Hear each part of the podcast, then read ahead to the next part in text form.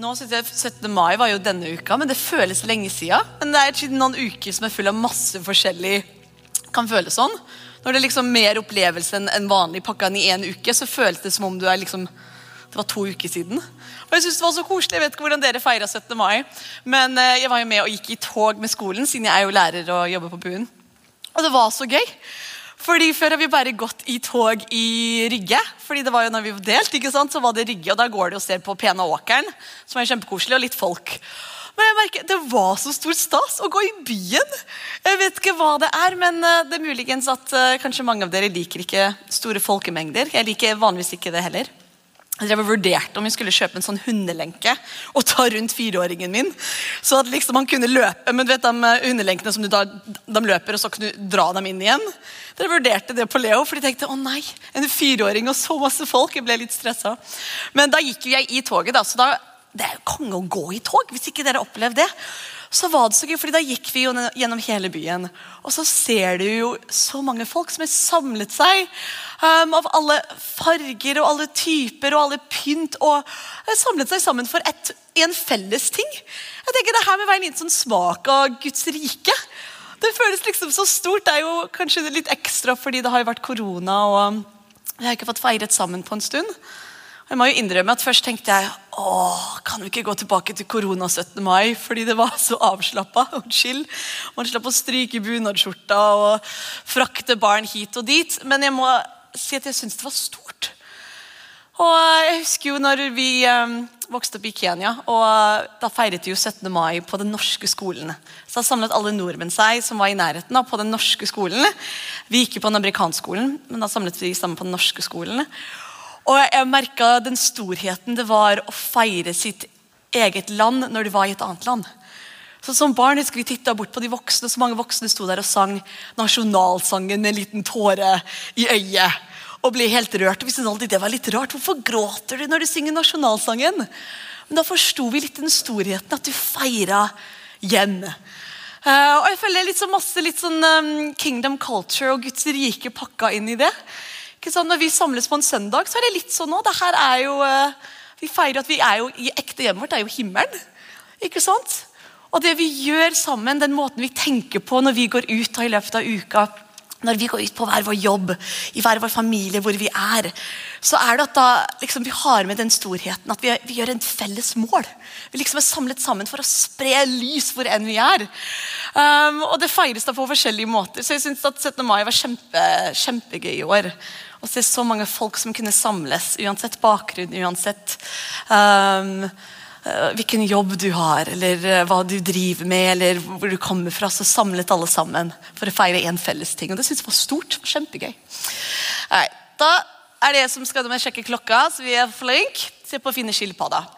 Jeg har ikke hatt noen til å sjekke norsken min. Fordi, uh, så hvis notatene mine er litt, litt skakkskjørt på norsk, så ignorerer vi det. Det bare blåser vi rett forbi. ikke sant? Ja.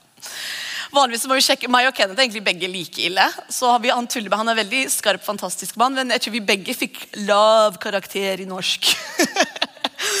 så hvis liksom det er sånn, den, den, den, blinde som leder den blinde er det, her, er det her rett norsk? Kan man si det? Ok, da, Ja, det kan man sikkert si. Og så tenker jeg vi er begge like, det her er like ille. Vi må ringe Hilde. Som vanligvis ringer vi Hilde, som sjekker norsken vår. Men hun ble 60 år på fredag. Så hun skulle slippe å ta stavkontroll og grammatikksjekk på, på vår norsk i dag. Så de er i Oslo de, og har bursdagsfeiring. Det er derfor de er på første rad og er vår vanlige heiagjeng. De driver og spiser seg gjennom Oslo, som de er veldig gode til. Det er de veldig gode til. Det har de alltid vært. De er, litt, de er blitt bedre og bedre på det. De er skikkelig sånn livsnytere. Og De feirer hver gang de gjør noe bra. sånn som De studerer jo begge to.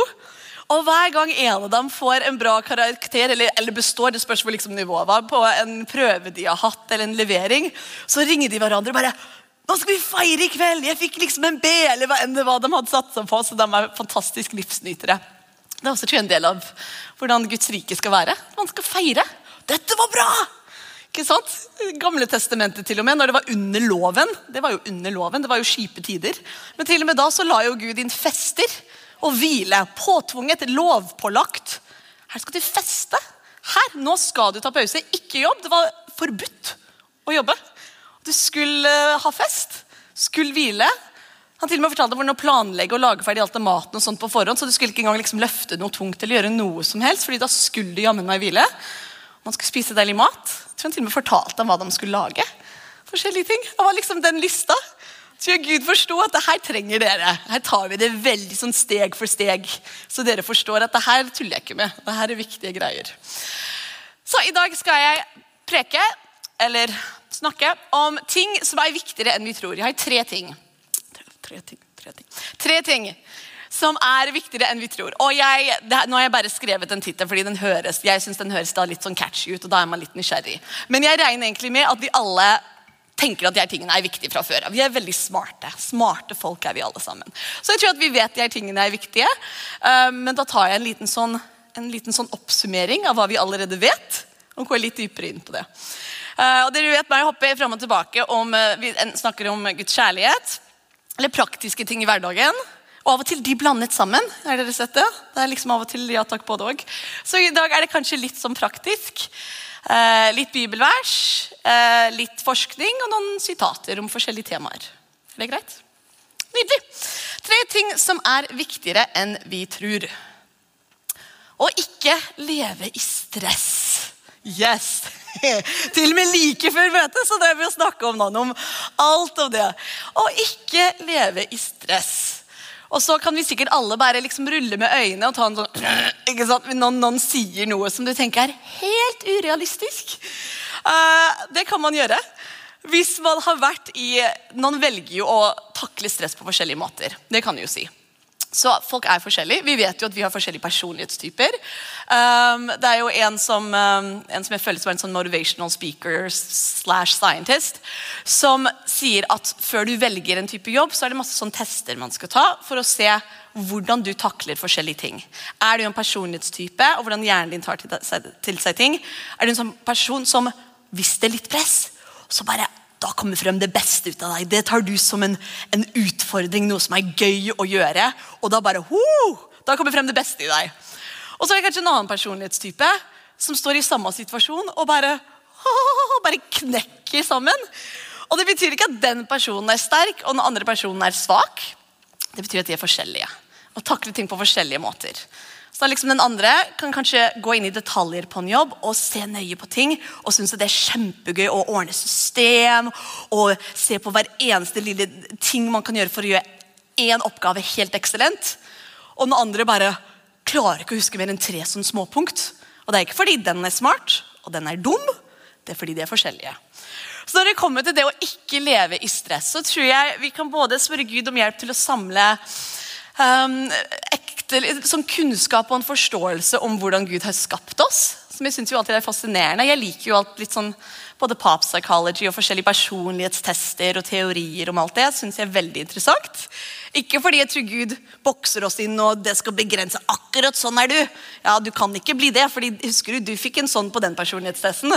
Men jeg bruker det som et verktøy. Så hvis noe er, eh, jeg føler hjelper meg, å forstå meg selv bedre. Og gi meg selv kanskje litt nåde på mine svakheter. Og da også hjelpe meg å fokusere på mine styrker. Med Guds hjelp så tror jeg det kan være en fantastisk ting å ha.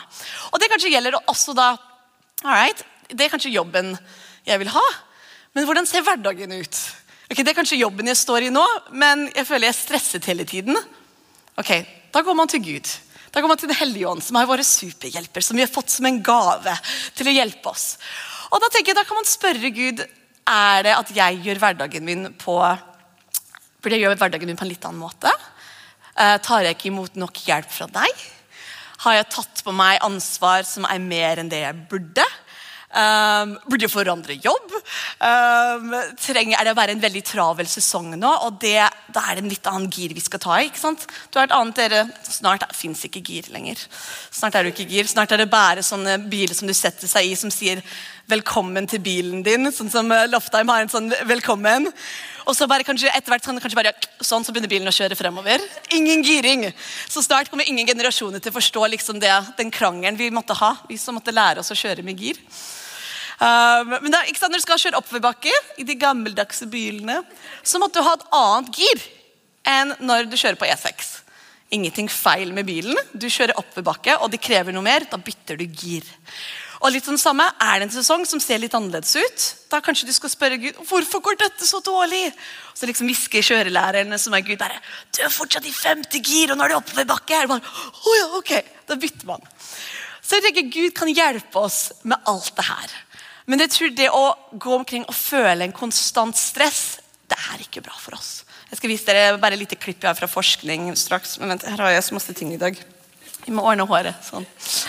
Men jeg bare tenker at det er, um, Gud elsker oss. Han vil det beste for oss. Han vil at vi skal ha gode, herlige liv.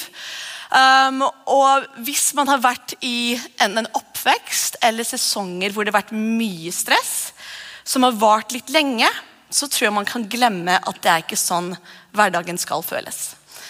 Jeg har lest litt til Joyce Meyer snakka litt om det At hun har vokst opp i et hjem hvor det var egentlig hun levde i konstant frykt og stress hele tiden i hjemmet sitt. i oppveksten sin.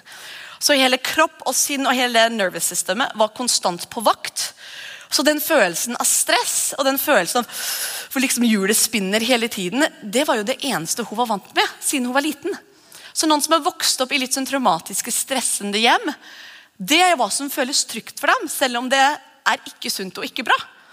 De sier av og til i det naturlige de som da kanskje har vokst opp i veldig sånn kaotiske relasjoner og hjem i sin oppvekst da de var barn, da er det de type, da søker de ut samme type stresset fordi det føles kjent.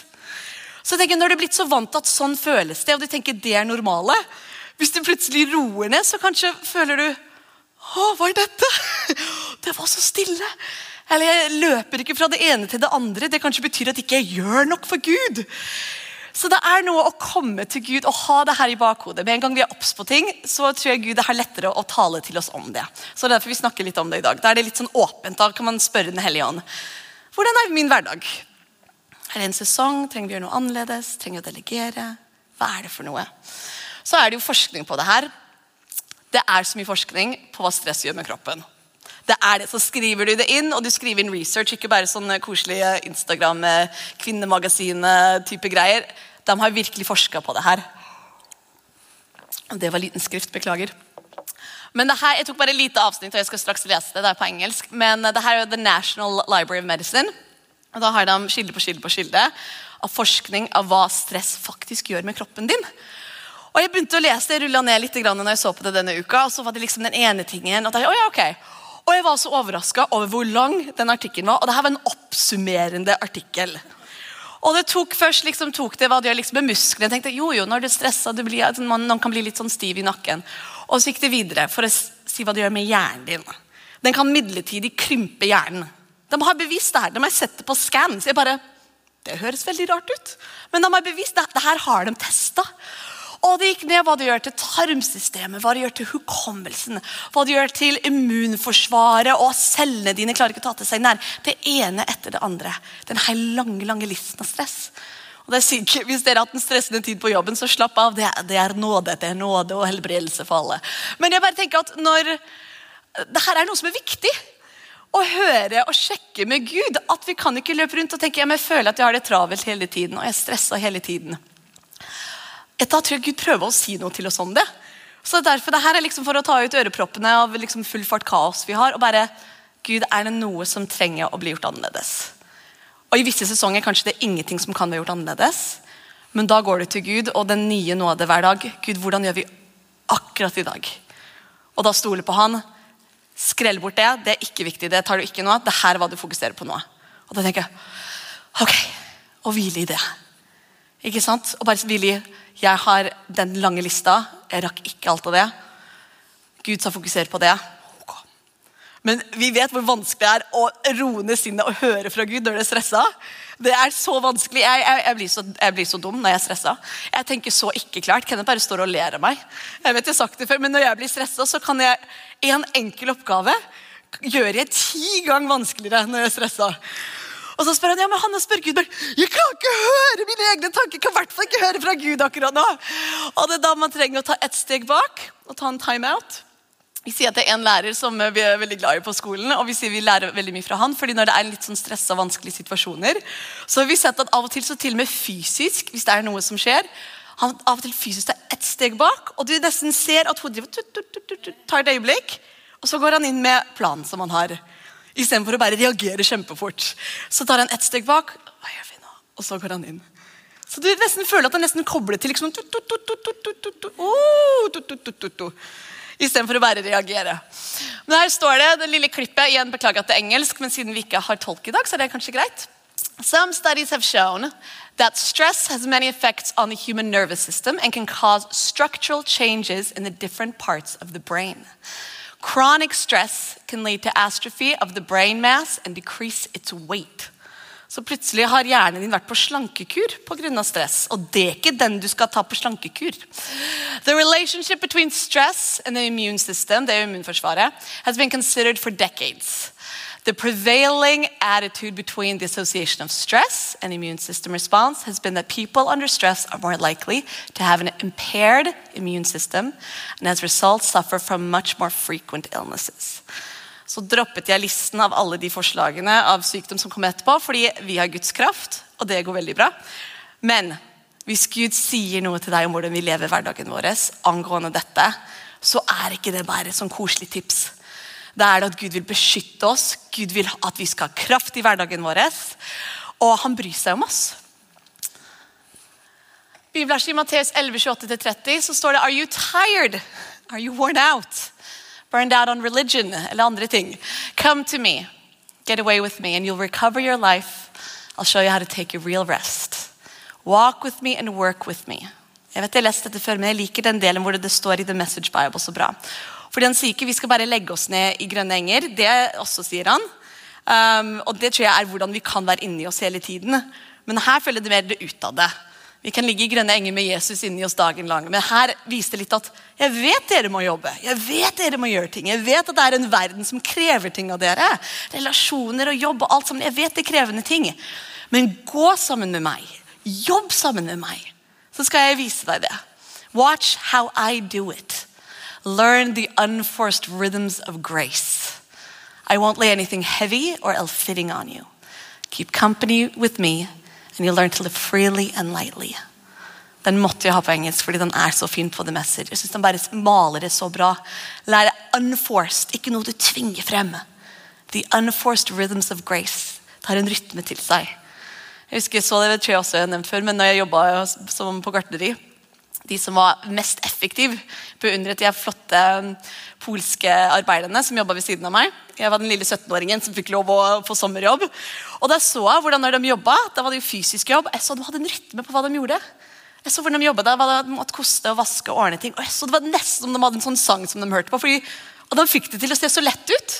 Og så stoppet de og hvilte.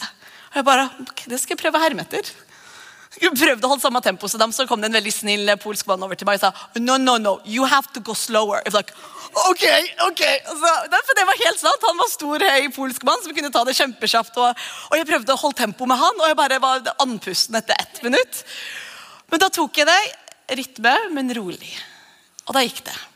Og det er forskjellige rytmer som alle skal ha. Gud har skapt hver av oss så forskjellige. Sydd sammen hvordan den rytmen og tempoen du skal ha er annerledes enn noen andre. Ikke sant? Gud, du er helt annerledes. Hvis vi alle var prikk lik, da kunne vi sammenligne oss selv. Og si at vi alle er helt like, så da burde vi gå i samme tempo. Vi alle er helt like, så burde vi gjøre ting på samme måte. Men vi er ikke det. Så bare fordi du ser noen har en viss tempo og fylde på fatet sitt, eller fylde i livet sitt, og du tenker oi, men de gjør så mye ja, men De er skrudd sammen hvor det er akkurat det de skal ha på fatet sitt. Og de har søkt Gud om det og har fred og glede for at det er hva jeg skal gjøre. Og så har Gud sydd sammen deg på en annen måte. Sånn at du skal heller ha kanskje mer fokus på én ting. Da ser ikke fatet ditt like fullt ut, men det du har, da får mer fokus. Så vi må ta oss i at vi driver og forteller ja, men Gud, hvorfor løper ikke jeg like fort som han. Hvorfor kan ikke jeg gjøre det han gjør? Og Gud bare jeg skapte dere forskjellig! Det her er ikke vanskelig. Men vi gjør det så vanskelig for oss selv, og vi skal måle oss selv hele tiden med hverandre. Så det du føler glede over, det her det her skal jeg gjøre, det her føler jeg glede over. Helligånd, er det noe mer jeg skal legge til? Og Helligånd, nope. Ok. Forteller du meg hvis det er noe mer jeg skal legge til? Ja. Ok. Har du med Gud i hverdagen, da trenger du ikke være redd for at du går glipp av det du skal gjøre når du vet at du lever nær Gud. Når jeg er nær Kenneth, da kan han bare hviske noe, så hører jeg det. Jeg er langt borte fra han og står og steker mat og freser hamburger for full ved. Hanna, fa! Hanna, fa! Og vi sier til barna at ikke de skal rope fra et rom til den andre. Slutt å rope fra et rom til det andre! Men når vi lever nær Gud, så trenger vi ikke være redd. Hvis det er viktig, han kommer til å få deg til å høre det. Hvis det er noe viktig du trenger å vite, han kommer til å få deg til å høre det. Men det går mye kjappere hvis vi er nær. Vi hører det med en gang, så sparer vi oss så mye tid. Så jeg likte det bildet også. Sånn kan vi være på innsiden. Så selv om vi are working and walking and doing with the Lord, så kan det være vår posisjon innvendig. Det kan det faktisk være. Her er det en quote. Det er en bok som heter The Ruthless Elimination of Hurry. tror jeg den heter. Og jeg sier Hurry is the enemy of spiritual life in our day. You must ruthlessly eliminate hurry from your life. Og det var noen som hadde svart, um, Han som drev og skrev denne boka, han drev og spurte et eller annet sånt råd om hvordan å uh, leve et uh, flott liv for Gud, eller hvordan å komme nærmere Gud. eller et eller annet sånt. Og han syntes det her var sånn et rart svar som han fikk. Hurry, det er det å skynde seg. Så ja, det is the enemy. At det er en fiende, det å skynde seg.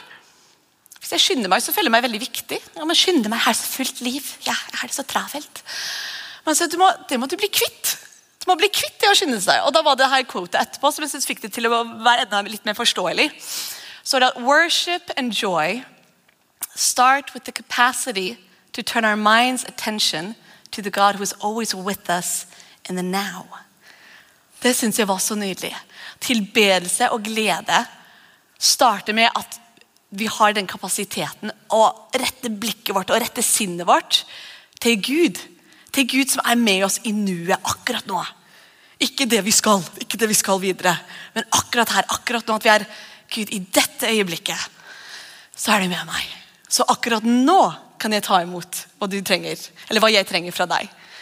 Så da synes jeg det var litt mer logisk at det med stress og det å skynde seg og løpe fra neste til andre, da går man glipp av så mye. Gud står der klart, ok, akkurat i dette øyeblikket, her er hva du trenger. Jeg er klar å gi det til deg.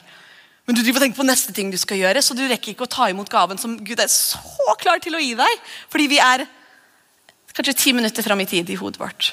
Eller kanskje to uker frem i tid i hodet vårt.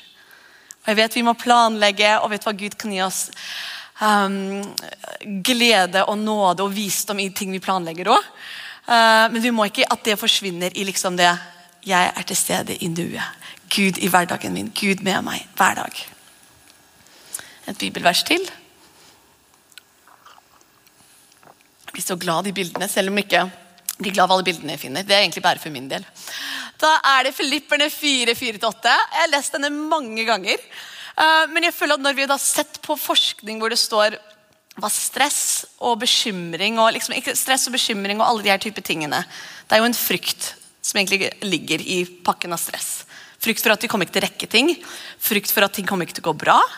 Frykt for at ikke du har kontroll på ting. Skaper stress. ikke sant? Og da når det er sett at det er bevist med forskning til og med at det er dårlig for oss, så jeg føler at dette verset som av og til kan føles som en litt sånn happy-clappy Tenk på noe glad-type vers. Plutselig forstår du at den har litt sånn tyngde. At det er Gud som sier det her skal du gjøre fordi det er bra for deg. Fordi det gjør at du kommer til å leve lenger på jorda og ha kraft og glede i det dere skal gjøre mens dere er her. Så da står det jo la gledene dere har i Jesus, alltid prege dere. Igjen vil jeg si gled dere. La alle se hvor milde og vennlige dere er mot hverandre. Herren er nær. Ikke vær bekymret for noe som helst. Men gå til Gud og spør han om hjelp. Fortell dem hva dere trenger. Og takk ham for alt han har gjort. Det er den med takk. Gud, her er jeg. Jeg trenger ting, men du er stor. Jeg spurte om det, og da kan jeg bare takke deg for svaret. At det er på vei. Løsningen er på vei. Da vil Guds fred, den freden som er større enn alt vi kan forstå, bevare hjertet og tankene deres i fellesskap med Jesus. Hørte dere? I fellesskap med Jesus. Ikke løpe foran, ikke henge bak. I fellesskap, i nærhet med Jesus. Til slutt søsken, oppfordrer jeg dere til å fylle dere med det som er sant, det som er god moral, det som er rett, det som er rent, det som er verdt å elske, alt som snakkes godt om, det som er av høy standard, og som er verdt å skryte av. Slike ting bør dere være opptatt av. Det blanda med hvor mye stress kan ødelegge for oss, da ser du det her, at det her var virkelig en sånn Det her er hva dere skal fokusere på. For deres sin, sin helse, for din kroppshelse, Fokuser på dette. Så det syns jeg er så bra. Et vers til. Stol på Herren av hele hjertet ditt, og prøv ikke å finne ut av ting på egen hånd. Da blir vi stressa. Tenk på Gud i alt du gjør, så skal han lede deg på rett vei. Tenk på Gud i alt du gjør, så skal han lede deg på rett vei. Tro ikke at du vet alt. Da også blir vi stressa, fordi vi vet ikke alt. Ha heller en ydmyk holdning innenfor Herren. Hold deg borte fra det som er vondt. Det skal gi deg god helse og ny styrke. Igjen, når Vi vet, vi tror ikke at vi vet alt, så når Gud sier noe til oss, så tror vi på det og er lydige til det han sier vi skal gjøre. For vi vet Gud sier du dette, sier du gjør disse tre tingene, selv om jeg har ti ting. Du vet mer enn meg, så ok. Ikke sant? Da går vi videre til neste punkt. Mm -hmm. Følg med på klokken. Right. Ting, uh, ting, vi syns er uh, ting som er viktigere enn vi tror. Små hverdagsvaner. Det er kanskje ikke rett norsk. men små lille vaner vi har i hverdagen vår. Og det her har vi snakket om før, så jeg skal ikke bruke veldig mye tid på dette. Men det er John C. Maxwell som skriver You'll never change your life until you change something you do daily. The secret of your success is found in your daily routine. Så er det da en, eh, en noen som har forska og funnet litt ut om litt ting, om små rutiner. Uh, da står det If you have a hard time keeping and maintaining good habits, you may be thinking too big. According to a Stanford University behavior scientist who has been studying how habits are kept for nearly three decades. The key to success, he says, is to think small when wanting to develop new behaviors or routines. Tiny is mighty. Og det er jo det når vi tenker på når vi har snakket om stress, snakket om uh, hverdagen vår og da Hvis vi tenker Helligånd, hva skal jeg forandre? Og da kanskje Den Helligånd sier noe til deg, og så legger vi ting, ti ting til. Kanskje den har sagt en liten ting. Kanskje den har sagt en liten vane som man vet kommer til å hjelpe med den stressa hverdagen din. Eller en ting som kommer til å hjelpe uh, og lette hvordan hverdagen din føles og ser ut. Bitte liten ting. Og så kanskje du syns den er altfor liten, så du legger til litt sånn jeg tenker, Ok, Gud, du sa fem minutter. Men jeg skal gjøre bedre, jeg skal gjøre 50 minutter. Eller jeg vet ikke, Det er bare et eksempel. Hvor du legger til fordi du, du, vil så gjerne, og du forstår at det er bra, og så blir vi litt ivrig. Men da er det jo forsket på og bevist at det er hvor vi feiler. At det er de bitte lille vanene. Den lille tingen. Kanskje de to minuttene før du skal puste hendene, hvor du står og sier ikke sant, som jeg har sagt mange ganger før, Du står og ser deg i speilet og sier 'Gud er med meg'. Gud er med deg. Du står og snakker deg selv i speilet som en idiot. Men det funker. Så jeg vet hva, Gud elsker deg. Jeg kan gjøre alt det jeg trenger å gjøre i dag. Det får jeg kraft til å gjøre. Det er bare jeg som kan gjøre den, de tingene som Gud har kalt meg til å gjøre i dag, på akkurat min måte. Jeg er på rett sted. Jeg er full av Guds kraft. Så pusser du tennene. Da har du brukt ti sekunder. Liten mikrovane der som kan forandre alt. Da har du akkurat stått og sett deg selv i øynene. Ikke sant? Og sagt Guds, Guds, ord over deg selv. Guds ord inni deg selv. Og jeg føler med en gang Vi tar i bruk de verktøyene som Gud har gitt oss. Åndelige verktøy. Hvis noen andre i verden skal stå og si positive ting til seg selv i speilet, så er det sikkert veldig bra for de òg. Positiv, ikke sant? Det er masse bøker på det, hvordan man tenker om seg selv og snakker. Men vi har jo Gud i oss. Så når vi taler ut Guds sannhet over oss selv, kanskje i speilet før du skal puste hendene, da er det jo kraft som kommer med, kommer med det. Da er det liksom sånn åndelig sverdgreie som skjer i åndeverdenen. hvor liksom Plutselig liksom føler jeg hører demoner skriker ved siden av fordi du står der og sier jeg er mektig, jeg, kan, jeg skal gå ut og forandre ting i dag. Du er sliten, jeg ser de ekstra søvnrynkene rundt øynene dine i dag, men du har kraft. Kan du ta, tale det til deg selv? Så sier de også i den um, samme artikkelen der, så sier de at det å koble en ny vane til en vane som allerede fins, gjør det også lettere å holde. Så derfor, kanskje før du pusser tennene så står det der. Eller før du spiser frokost. Vaner som allerede eksisterer. Lille mikrovaner. Jeg sa dette var litt praktisk i dag. Der er det bare noen små sånn, um, quotes som jeg liker. Small daily habits lead to long-term growth. You will never change your life until you change something you do daily. Som vil, vil bli flinkere på jobben din og ha enda mer kunnskap på jobb, så finn en bok som sier noe om det. Så les fem minutter før du tar den eh, morgenkaffen din. Eller mens du tar morgenkaffen din. Fem minutter. Så lite! Kan sette på timeren til og med. Fem minutter. Hvis du regner ut hvor mye det blir i løpet av et år Det blir, mer, det blir ganske mye. Bare litt mikrovaner. Gud kan bruke det.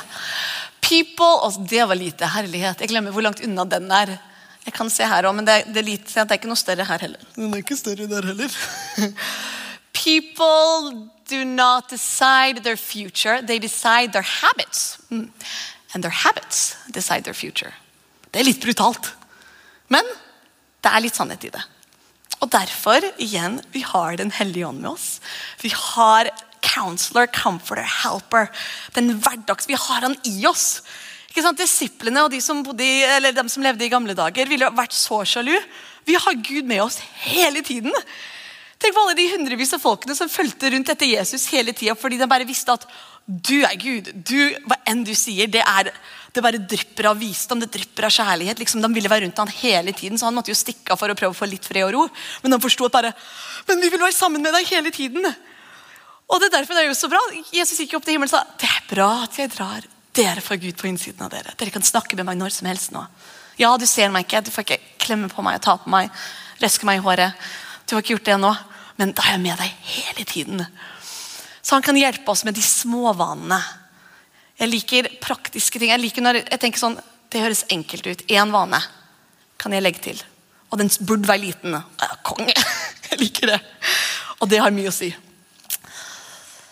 Da er det siste punkt. Det er snart ferdig. Se her, så flinke vi er. Snakke pent til seg selv. Det her har jeg allerede nevnt litt nå, og sagt mange ganger før. Men det å snakke pent til seg selv, den indre dialogen som vi har, den har mye å si. Eh, jeg jobber jo som lærer, som sagt, og um, vi ser jo masse i skolen hvor mye det har å si. Hvordan elever og hvordan ungdommer snakker til seg selv i hodet sitt. Hva de tenker om seg selv. Vi kan jo få ungdommer hvor, vi, vi, står jo og ser, vi er fra utsiden, vi står på utsiden og ser at det her er jo en smart, fantastisk ungdom med herlig hjerte, god hjerne, alt det her. Og så kommer de, og vi bare forstår ut fra hvordan de snakker, at de tror ikke at de kan noe som helst. De tror at de er dum, tør ikke engang å prøve når de sitter der. Det stopper helt opp. Og Da kanskje finner vi ut av um, bakgrunn og forskjellige ting. Det kan jo være mange forskjellige historier vi har hørt. Og forstår at å ja, det du hører i hodet ditt, er det du har kanskje hørt hele oppveksten din. Eller det du hører i hodet ditt, er, er eh, stemme til noen som har sagt noe til deg. Og det er hva som driver og spilles på repeat i hjernen din. hva som er herlig, hva jeg har sett um, lærere gjøre her, er at de bytter ut hva som blir spilt i hodet deres. Sakte, men sikkert. Og det her er jo da de fantastiske lærerne vi har på, på buen, som da virkelig går inn bare faglig, men også med Gud, og bare skal bytte ut og forandre den indre dialogen som de her elevene har med seg selv. Så er det noen som kommer og bare man ville tro andre lærere og kanskje andre folk som ikke har troa og forståelsen og hjelpen til Gud, ville sagt at det er ikke mulig at du kommer til å bli noe brukbart. Ikke, det, det, du kommer til å bli kriminell når du vokser ikke sånn enn det er, fordi du bare vet at du har hatt sånn en tøff bakgrunn. Du har ikke sjans i havet. Men så kommer man inn med Guds kraft, med Guds hjelp, og bytter ut den indre dialogen. Jo, så klart kan du det her. Det her mestrer du. Jo, det her er du god på. Du er jo, du er jo kjempetøff. Nei, nei, nei. Og I starten føles det som det bare er liksom en sånn ball som du bare kaster på en vegg. og den bare bouncer tilbake hver gang. Og Etter hvert så begynner det å gå inn litt og litt. Da tør de å prøve litt, mestre litt. Da er litt, litt sannhet akseptert. Så bruker de mer og mer. Men du ser at alt handler om den indre dialogen. Jeg husker ikke hvem som sa det, det var Craig Rochelle som, og mange andre som sa at um, det største som djevelen er ute etter, er sinnet ditt og dine tanker. Og hans våpen er løgner. Så han bruker hva enn han kan bruke hvis det er um, oppvekst og barndom, hvor kanskje du kanskje hadde gode foreldre, men han forsto ikke kraften i å tale ut ord og liv og identitet over barna sine. Så kanskje de ikke noe slem eller skip i det hele tatt, men ingen ord av liv og identitet fortalt utover deg. Da er det jo et hull der. Og da blir det fullt med liksom usikkerhet, hva enn det er.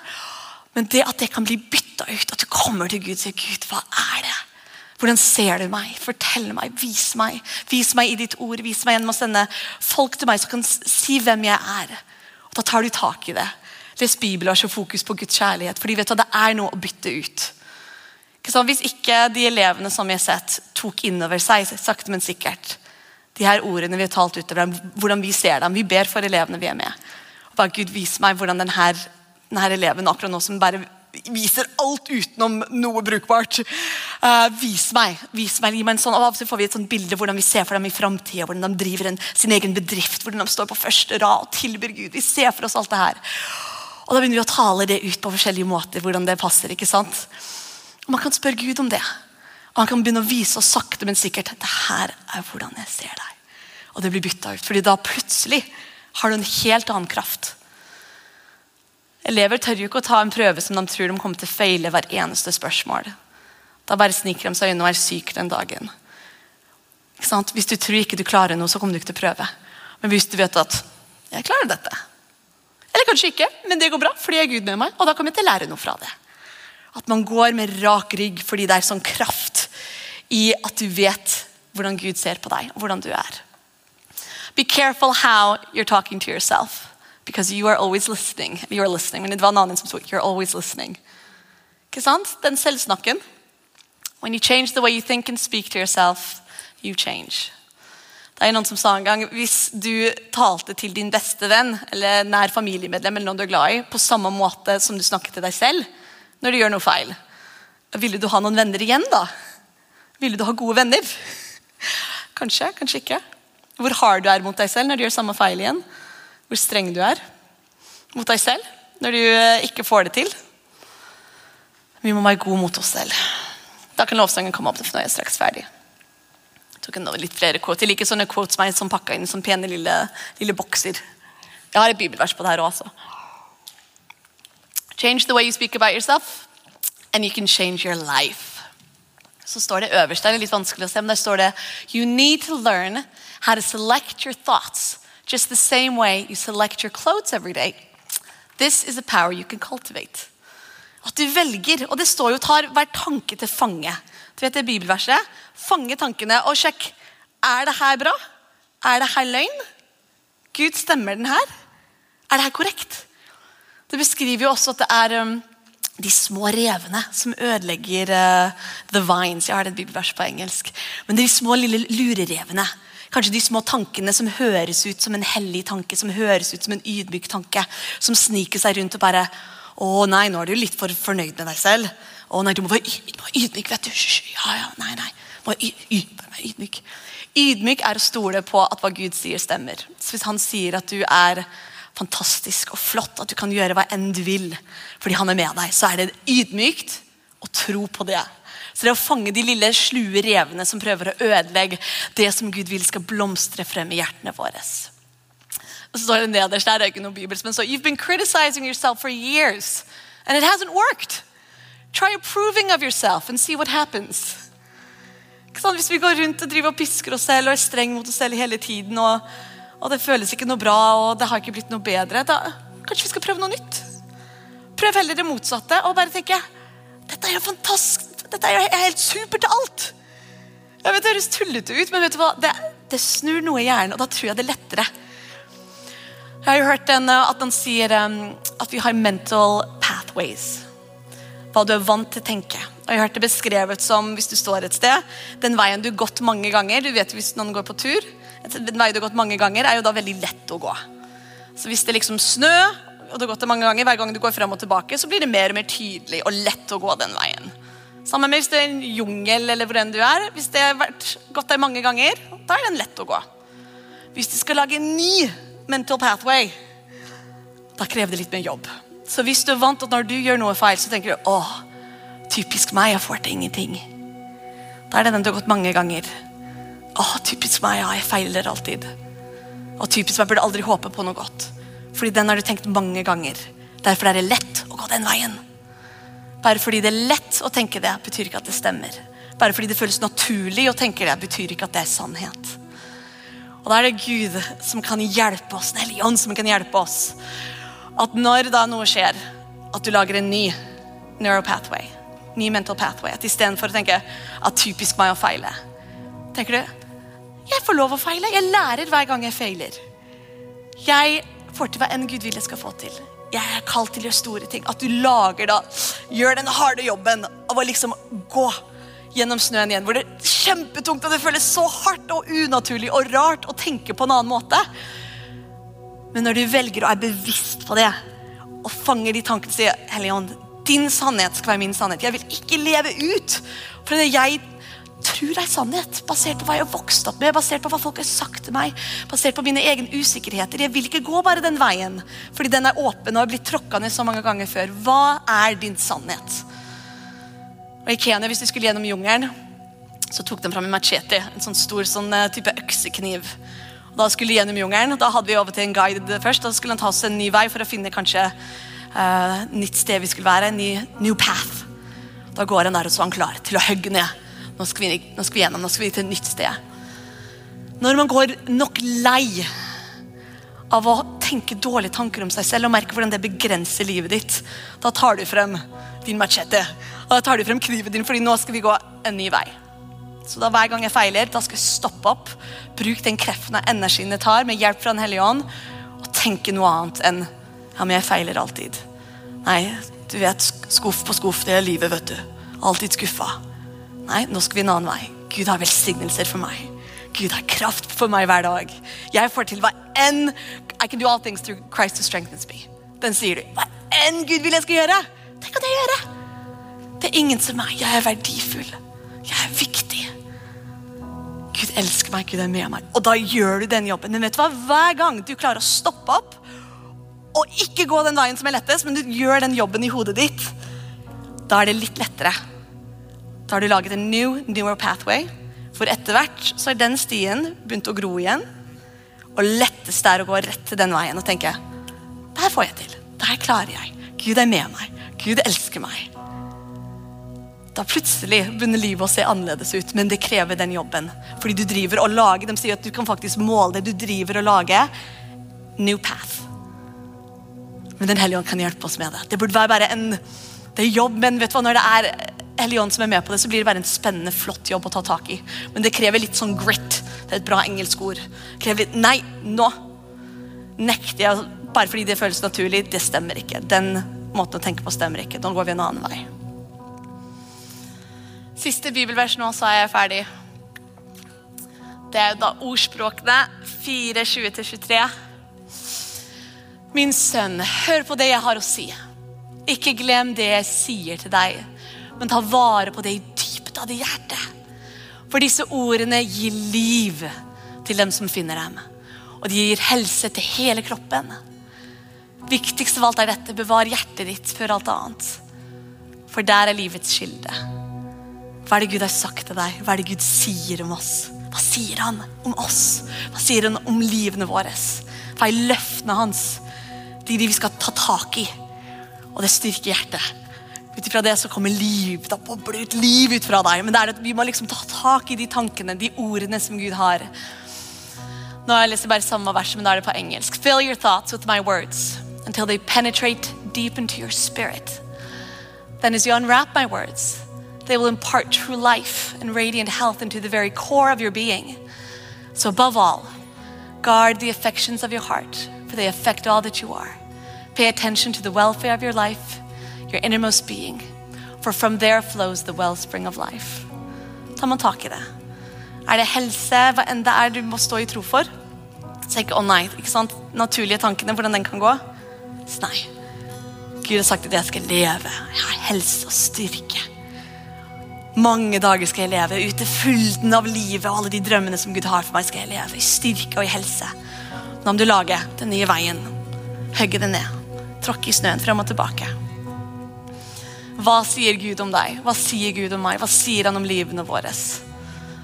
Det skal vi få inn, og det skal være det. Det skal være hvordan vi snakker til oss selv. Det skal være den indre dialogen vi har i hodet vårt. Ikke sant? Og igjen alt dette så mye lettere når vi går sammen med Gud, for han kan hviske og minne oss på du. Hvordan er det du tenker nå? Du, fang den tanken. Det er løgn. Det er ikke sånn du er. Jeg ser deg. Jeg vet hvordan du er. Fang den tanken nå. La meg hjelpe deg. La meg fortelle deg sannhet. Er ikke det et flott bilde? Jeg liker alle de bildene av um, Jesus og Gud som, som, løve. Litt fra Narnia. Det var et annet bilde hvor det var en liten jente som satt liksom, når det var løven han lå og sov, og så en liten jente som satt liksom pakka inn igjen og satt og bare leste en bok og bare koset seg. Gud er mektig, han er sterk, men han også bryr seg om uh, hver eneste lille detalj i livet vårt. Så de her uh, tre tingene, som er viktigere enn vi tror med en gang vi har sett litt på ting sammen, så tror jeg det er lettere for Den hellige ånd å jobbe med det i ukene som kommer. ikke sant? Da er det litt på radaren vår. Da kan man gå, Hellige ånd. Ok, Da er vi litt sånn obs på det. ikke sant? Da har vi roa hodet litt ned og har laget litt sånn plass for Den hellige ånd og, og tale til oss. ikke sant? Herlig. Vet du, Da reiser vi oss og så bare ber jeg for oss, og sier vi takk for i dag. Opp og stå. Jesus, vi elsker deg så mye. Dette er jo tre enkle ting, men er, alt kommer jo tilbake til at du vil det beste for oss. Du har skapt oss med en hensikt. Vi er ikke på denne jorda her ved uhell. Vi er ikke bortkasta. Vi har sånn et spesielt kall og plan som du har for livet vårt. Det står jo at hver eneste dag av livene våre har du planlagt. Så hjelp oss å forstå at de dagene vi er her på jorda, skal vi leve med en styrke, med en glede og leve ut alt det du har pakka inn i hver og en av oss. Og det ser så forskjellig ut. Eller Han hjelper oss å ikke sammenligne. Så vi kan stå i den styrken, den helt unike styrken som du har gitt hver og en av oss. Vise frem din kjærlighet på en helt spesiell måte. Takk, Helene, at du er vår hjelper. Hjelp oss å huske at du er med oss. Vi lytter til din stemme. Stiller oss ned i hverdagen, så vi kan høre hva det vil si, hva det vil minne oss på, hvor det vil lede oss. Gir denne uka til deg, far. Hvem du har planlagt for denne uka. Takk for great surprises. Takk at denne uka så hører vi fra deg på en helt ny måte. Vi kan se litt mer av hvordan du ser oss. Vi kan høre fra noen hvor mye du elsker oss. At det blir enda mer ekte denne uka det det har vært før. Og uke etter det, og uka etter det. Jesu navn. Amen, amen.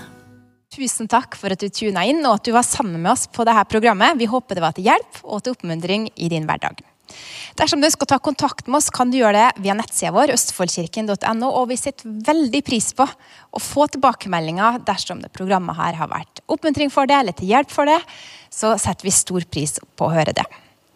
Ha en velsigna uke.